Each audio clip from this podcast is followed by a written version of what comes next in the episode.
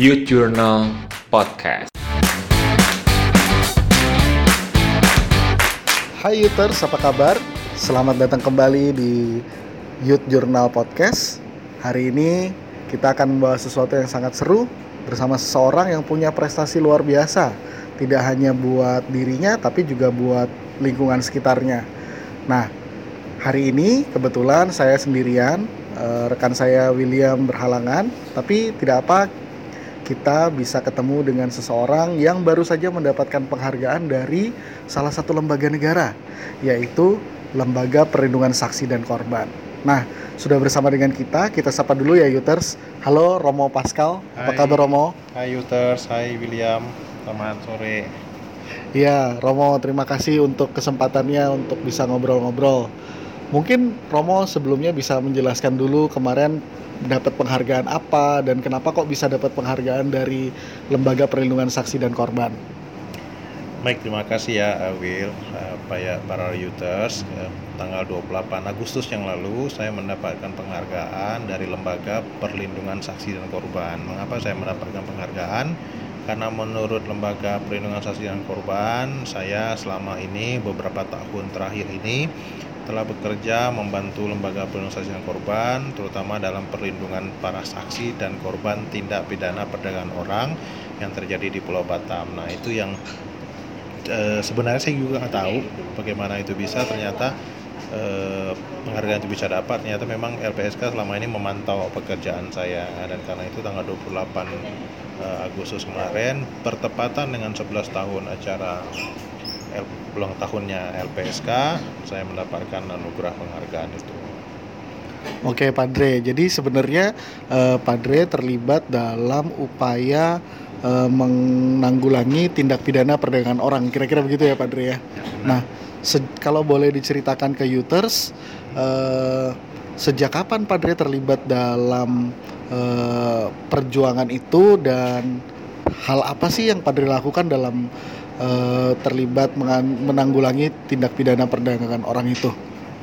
baik saya mulai menangani kasus kasus eh, perlindungan terhadap para korban dan saksi perdagangan orang itu sejak tahun 2013 nah bagaimana bisa karena pada saat itu saya diberi kepercayaan oleh Monsinyur Hilarius Manura almarhum untuk membidangi satu bidang pelayanan dalam gereja yang disebut dengan Komisi eh, Keadilan Perdamaian Pastoral Migran dan Perantau. Nah, dalam komisi itu salah satu bidang pelayanannya kebetulan kami di di Batam itu memang daerahnya itu kebanyakan adalah daerah yang sering kali eh, menghadap banyak eh, tindak pidana dan marak terjadi itu tindak pidana perdagangan orang maka memang saya lebih banyak fokus ke situ. Nah, sejak tahun 2013 itulah. Sampai dengan sekarang saya tidak pernah berhenti menangani eh, persoalan perdagangan orang terutama terlebih pada persoalan bagaimana melindungi eh, hak korban, hak saksi dan juga bagaimana membantu mereka untuk mendapatkan eh, keadilan. Eh, mungkin beberapa Uters masih belum tahu Padre apa sih sebetulnya tindak pidana perdagangan orang itu? Mungkin boleh dijelaskan sedikit Padre Baik, tindak pidana perdagangan orang itu pertanyaannya adalah mengapa mengapa mungkin pertanyaan saya buat sederhana. Definisinya saya buat sederhana. Begini. Manusia kalau kita kita tahu ya dalam ajaran Kristiani terutama agama Katolik, manusia itu adalah ciptaan eh, citra Allah, ciptaan Tuhan yang paling mulia daripada ciptaan-ciptaan eh, Tuhan yang lainnya. Itu pertama. Oleh karena dia ciptaan yang mulia, maka dia harus dihargai dan dia harus eh, mendapatkan eh, tempat yang yang eh, kehormatan katakanlah seperti itu yang lebih tinggi daripada makhluk-makhluk cipta yang lain. Oleh karena itu, segala macam bentuk perdagangan orang adalah penghinaan terhadap kodrat manusia yang ada ciptaan Allah dan penghinaan juga terhadap keilahian Allah yang ada dalam diri manusia. Nah, apa sebenarnya perdagangan orang kalau kita mau lihat lebih spesifik lagi? Nah, perdagangan orang itu sebenarnya adalah suatu bentuk eh, eksploitasi manusia di mana manusia itu dengan eh, teknik-teknik cara-cara yang jahat yang dilakukan oleh para mafia mereka melakukan sebuah eksploitasi mengambil keuntungan dari diri manusia, apakah itu secara seksual, apakah itu secara ekonomi, apakah itu secara tenaga kerja paksa. Misalnya, misalnya Bang Willy eh, dilihat para mafia ini punya potensi menghasilkan secara ekonomi, maka mereka meng, memanipulasi bagaimana Bang Willy ini mereka bisa pekerjakan misalnya sebagai tenaga kerja buruh di suatu tempat atau katakanlah si A berjenis kelamin perempuan dilihat dia mungkin punya punya kemampuan atau kualitas untuk diperdagangkan secara untuk dieksploitasi secara seksual maka mafia ini menggunakan cara-cara yang e, memanipulasinya macam-macam cara me, mensiasati dengan tipu daya dan sebagainya untuk bagaimana supaya si A ini kemudian dapat tereksploitasi dengan memperdagangkan dirinya sendiri. Nah, bentuk-bentuk itu yang yang macam-macam bentuk itu yang sebenarnya yang saya tekuni. Kalau dari pengalaman Padre sendiri uh, berapa kasus sih Padre yang sudah pernah di ditangani oleh Padre sendiri dan boleh cerita nggak kira-kira uh, ada nggak kasus paling berat yang pernah Padre tangani? Kalau kasus ini bisa bisa macam-macam kita bisa membedakan kasus yang naik sampai ke ke pengadilan, kasus yang hanya selesai saja di permukaan, kasus-kasus yang masih dalam uh, dalam tahap-tahap awal dan macam-macam. Nah, tapi secara umum kalau ditanya tanya seperti itu berapa kasus ya kurang lebih sekitar 200-an kasus saya kira sejak tahun 2013 ya sampai sekarang. Dan itu juga melibatkan ya kurang lebih ratusan orang juga. 300 atau 400 anak dan perempuan juga termasuk laki-laki. Nah, seperti itu. Nah, pertanyaan kedua apa yang paling berat? Sebenarnya setiap kasus itu punya kesulitan yang masing-masing. Baik dari eh, korban yang kita mau tolong, ada yang menyadari bahwa mereka itu ada korban, ada juga yang menolak untuk mendapatkan pertolongan, ada juga yang bingung ini sedang apa nih, terjadi apa. Nah, bisa juga dari dari mafia-mafia yang kemudian memberikan pengancaman baik terhadap saya maupun kepada tim maupun juga kepada para korban maupun dari tim sendiri yang mungkin pergulakan antara kecemasan, ketakutan, pekerjaan ini kan penuh dengan risiko dan karena itu membuat mereka juga kadang-kadang memikir-mikir ini apakah harus kita tolong atau tidak. Jadi semua pekerjaan ini sebenarnya sangat menantang dan sangat berat dan juga sangat uh, punya risiko. Tapi kalau mau lebih spesifik lagi cerita misalnya pengalaman apa yang paling susah saya kira tahun 2018, eh 2014. Itu waktu itu kami menyelamatkan 24 korban ya tenaga kerja yang ada yang sudah dipekerjakan, ada yang juga tidak yang mau dijualkan ke Malaysia dan Singapura. Dan itu sangat mem, apa, memakan waktu yang sangat panjang juga macam-macam persoalan itu terjadi. Karena kita diancam kita pengen dilaporkan ulang kita didatangi preman kita kemudian um, um, katakanlah kita kemudian di, dirongrong tim kita dan korban juga di ditekan luar biasa dan itu sangat melelahkan luar biasa. Dan tapi puji Tuhan bahwa meskipun ada macam-macam ancaman seperti itu kita tetap uh, aman dalam lindungan Tuhan dan kita tetap bisa eksis sampai sekarang memperjuangkan keadilan. Wah, kayaknya seru juga ya Padre ya. Uh, tapi kalau boleh sedikit penggali lebih teknisnya nih Padre, kan Uters mungkin mengira ya pastor kan kerjanya harusnya di gereja ya. Kok bisa kerjanya e, melakukan pekerjaan-pekerjaan sosial seperti ini. Lalu juga mungkin Uters juga bingung nih sebenarnya kok bisa e, timnya Padre bisa tahu nih oh ada beberapa orang yang sedang menjadi korban human trafficking atau perdagangan orang. Itu kira-kira prosesnya bagaimana Padre? Pertama ya, pertama pekerjaan ini bukan pekerjaan baru ya.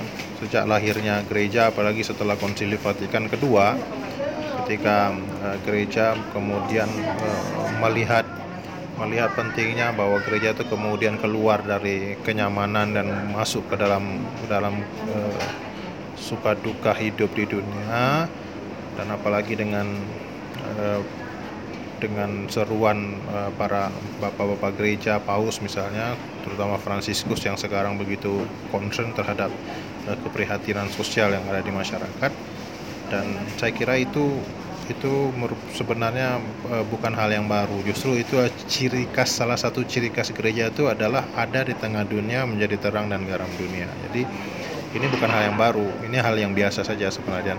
Sejak lahir gereja, saya kira memang udah itulah eh, tuntutan dan harapan yang diminta gereja terhadap eh, kita yang ada di dalamnya. Kalau kita mau lebih jauh lagi, misalnya kita lihat belajar dari Yesus sendiri, Yesus pun sebenarnya telah mengajarkan kepada kita untuk menjadi bagian dari dunia. Yesus yang sebenarnya dia bisa saja memilih untuk lebih nyaman di dalam surga, tapi dia melepaskan kenyamanan itu, mengosongkan dirinya dan dia masuk ke dalam suka duka manusia menjadi penyelamat. Nah, saya kira kalau ditarik garis ke cerita pengalaman iman roh- rohani kehadiran Yesus dulu, ini ada kesinambungannya. Jadi tugas pastor itu adalah selain dia menghadirkan Yesus Kristus misalnya dalam dalam ekaristi dalam ibadah dalam kegiatan-kegiatan rohani. Dia juga harus melahirkan Yesus Kristus dalam diri orang-orang yang menderita orang-orang yang susah orang-orang yang mengalami ketidakadilan.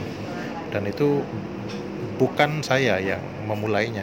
Sudah dimulai sejak Yesus. Sejak dulu saya hanya kita dan para imam dan semua kita yang dibaptis dalam Yesus sebenarnya harus meneladani teladan itu Nah, kalau terkait teknis pekerjaannya sendiri, Padre, eh, gimana sih akhirnya eh, timnya Padre bisa tahu, oh ini ada orang-orang yang sedang mengalami masalah eh, tindak pidana perdagangan orang, ada orang-orang yang perlu dibantu, itu kira-kira teknisnya bagaimana, Padre? Baik, jadi kit- pertama yang saya harus sampaikan bahwa saya tidak bekerja sendiri. Memang saya dibantu oleh masing-masing seksi eh, komisi KKPPMP di setiap paroki. Nah, dalam paroki sendiri ada seksi KK KKPPMP Justice and Peace. Komisi Perde- Keadilan Perdamaian Pasukan Migran dan Perantau itu di setiap lingkungan-lingkungan atau kami menyebutnya komunitas basis gereja. Jadi sampai ke akar rumput kita punya punya orang-orang eh, umat relawan yang sebenarnya menjadi bagian kita. Nah, lewat mereka lah kita bisa mendapatkan informasi karena mereka berada di tengah-tengah masyarakat.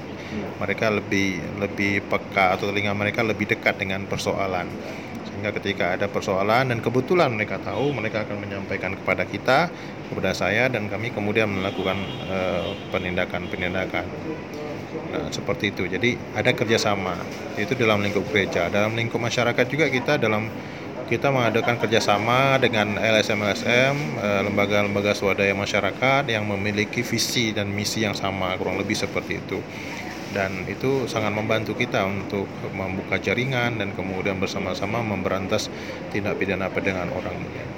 Kalau tadi Padre mengatakan bahwa dalam pekerjaan ini Padre ber- eh, melakukan perlawanan terhadap mafia yang melakukan perdagangan orang ini. Nah, eh, berarti kan sebetulnya juga bisa jadi mereka punya oknum-oknum jaringan yang memperkuat mereka. Kira-kira selama ini yang ditemui oknum-oknumnya seperti apa sih, Padre? Begini, perdagangan orang itu adalah suatu bentuk kejahatan yang luar biasa.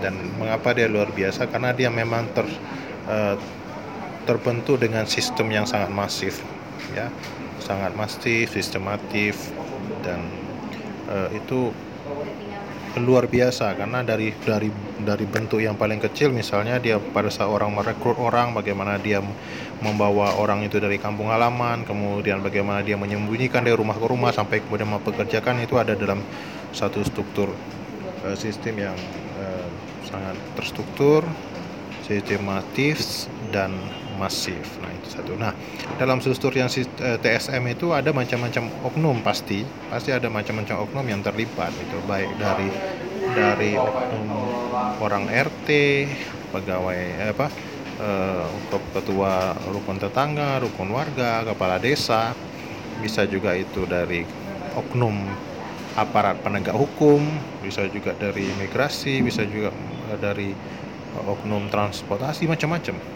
Jadi hampir semua hampir semua eh,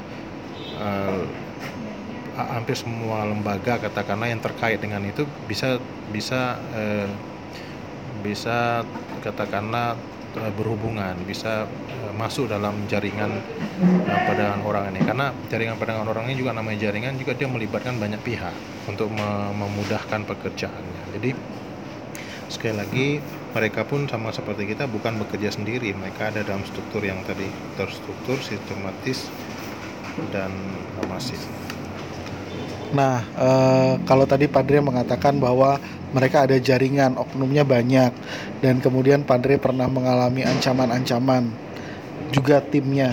Kira-kira ancaman-ancaman yang ditemui Padre dan tim itu seperti apa ya Padre yang selama ini pernah dialami? Ancaman tuh ancaman fisik misalnya eh, kepada saya mau misalnya mau di dicelakai atau mau dimatikan. Misalnya ancaman untuk melaporkan ulang misalnya ancaman untuk eh, mencari-cari kesalahan misalnya ancaman untuk eh, membuat nama baik buruk ancaman kepada korban juga ancaman kepada tim. Jadi macam-macam sih bentuk-bentuk ancaman tuh bisa langsung kepada bisa kepada saya bisa juga kepada kepada uh, tim saya atau kepada korban dan bentuknya macam-macam. Tapi sekali lagi puji Tuhan ancaman itu memang belum pernah sih sampai terrealisasi. Baik, Padre, kita udah mendalami lebih banyak tentang uh, tindak pidana perdagangan orang. Terima kasih banyak, uh, teman-teman Uters juga mungkin tercerahkan. Tapi pertanyaannya adalah. Uh, sebenarnya Uters ini bisa terlibat apa sih dalam mengantisipasi tindak pidana perdagangan orang? Apakah harus terjun seperti Padre atau ada kemungkinan-kemungkinan lain yang mereka bisa lakukan? Nah, eh, kalau untuk dalam konteks Uters ya, pertama-tama ketika teman-teman Uters eh, mendengar eh, perbincangan ini, maka yang menurut saya yang perlu teman-teman perhatikan atau paling tidak waspadai adalah hati-hati dengan segala macam bentuk tawaran-tawaran, bentuk iming-iming, bentuk bujuk rayu yang seolah-olah me meyakinkan kalian bahwa kalian tuh akan mendapatkan suatu pekerjaan yang mudah, satu pekerjaan yang menghasilkan penghasilan yang besar, satu pekerjaan yang mungkin terlalu sepele, tapi bisa terlalu sepele untuk kalian raih seperti itu. Hati-hati dengan segala macam bentuk bujuk rayu, hati-hati dengan segala macam bentuk tawaran-tawaran. Karena mengapa? Karena dengan media sekarang bisa dengan elektronik, bisa dengan online, bisa dengan media massa dan macam-macam bentuk kemajuan teknologi sekarang orang bisa di dipengaruhi dengan sangat mudah dan dan itu harus hati-hati harus hati-hati, harus bijak kalian menggunakan media massa dan harus uh, kritis terhadap segala macam tawaran-tawaran. Itu pertama. Untuk paling kurang adalah jagalah diri sendiri. Jangan sampai kalian menjadi bagian dari uh, perdagangan orang. Satu. Yang kedua, yang kedua adalah perlu juga mengingatkan teman-teman apa yang saya sampaikan tadi, sampaikan juga kepada teman-teman. Jadilah penyambung suara untuk kebaikan, jadilah penyambung suara untuk menyampaikan eh, peringatan, jadilah penyambung suara untuk memberi semacam rambu-rambu kepada semua orang muda Yurtes di mana pun berada. Karena eh, sekali lagi saya bilang informasi yang kurang kadang-kadang membuat eh, orang mudah jatuh ke dalam eh, penipuan atau lingkaran perdagangan orang nih. Tapi kalau kita gencar informasi dan tidak tidak pernah lelah menginformasikan kebenaran kebaikan seperti ini dan uh, dan cara-cara untuk uh, mewaspadai, mencegah terjadinya tidak benar benar orang, saya kira itu bisa meminimalisir. Nah, yang ketiga jangan takut juga untuk mulai terlibat dalam kehidupan masyarakat. Ya, jangan nyaman dengan situasimu seperti itu. Karena ada banyak ketidakadilan di masyarakat. Mengapa kita perlu mengambil bagian? Karena memang itu panggilan kita ini bukan sebuah pilihan. Kita tuh harus menjadi terang dan garam dunia. Ketika ada ketidakadilan kita harus bersuara. Ketika pemerintah ketika aparat tidak mampu menyelesaikan kita harus berbuat sesuatu. Sekecil apa pun kalau kita lakukan itu dengan kesungguhan pasti akan ber, sangat bermanfaat. Oleh karena itu mulai belajar. Masuk dalam kelompok-kelompok di mana ada banyak orang yang kemudian peduli itu banyak. Di mana saja saya kira ada. Lihat lingkunganmu cari tahu apa yang terjadi di sekitarmu dan coba lakukan sesuatu yang bisa kamu lakukan sesuai dengan kemampuanmu tentu. Nah yang terakhir saya kira tetaplah menjadi pendoa untuk para korban, pendoa bagi para saksi, dan juga pendoa bagi para penjahat supaya mereka bertobat dan kejahatan itu bisa berkurang, kejahatan itu bisa diminimalisir atau kejahatan itu paling tidak bisa di uh, dikurangi lah kalau tidak diselesaikan di muka bumi ini. Nah, Anda masih muda, kita semua masih punya kesempatan dalam Tuhan. Saya kira kita bisa melakukan itu. Sekarang mau atau tidak itu saja. Terima kasih banyak Padre untuk pesan-pesannya buat Uters semuanya. Nah Uters kita sudah ngobrol panjang lebar dengan Romo Pascal yang berdomisili di Batam, baru saja mendapatkan penghargaan dari Lembaga Perlindungan Saksi dan Korban atas karya dan perjuangannya mengadvokasi mereka-mereka yang menjadi korban tindak pidana perlindungan orang. Nah, gimana dengan kamu? Kamu terpikir untuk terlibat dan mengadvokasi teman-teman di sekitarmu? silakan uh, kontak juga dengan Romo Pascal nanti kalau pengen uh, terlibat lebih jauh. Tapi yang penting kita harus berperan penting untuk perubahan bangsa ini mulai dari diri kita dan masyarakat kita. Terima kasih banyak Uters sudah mengikuti podcast kali ini dan ketemu lagi di podcast berikutnya. Still higher.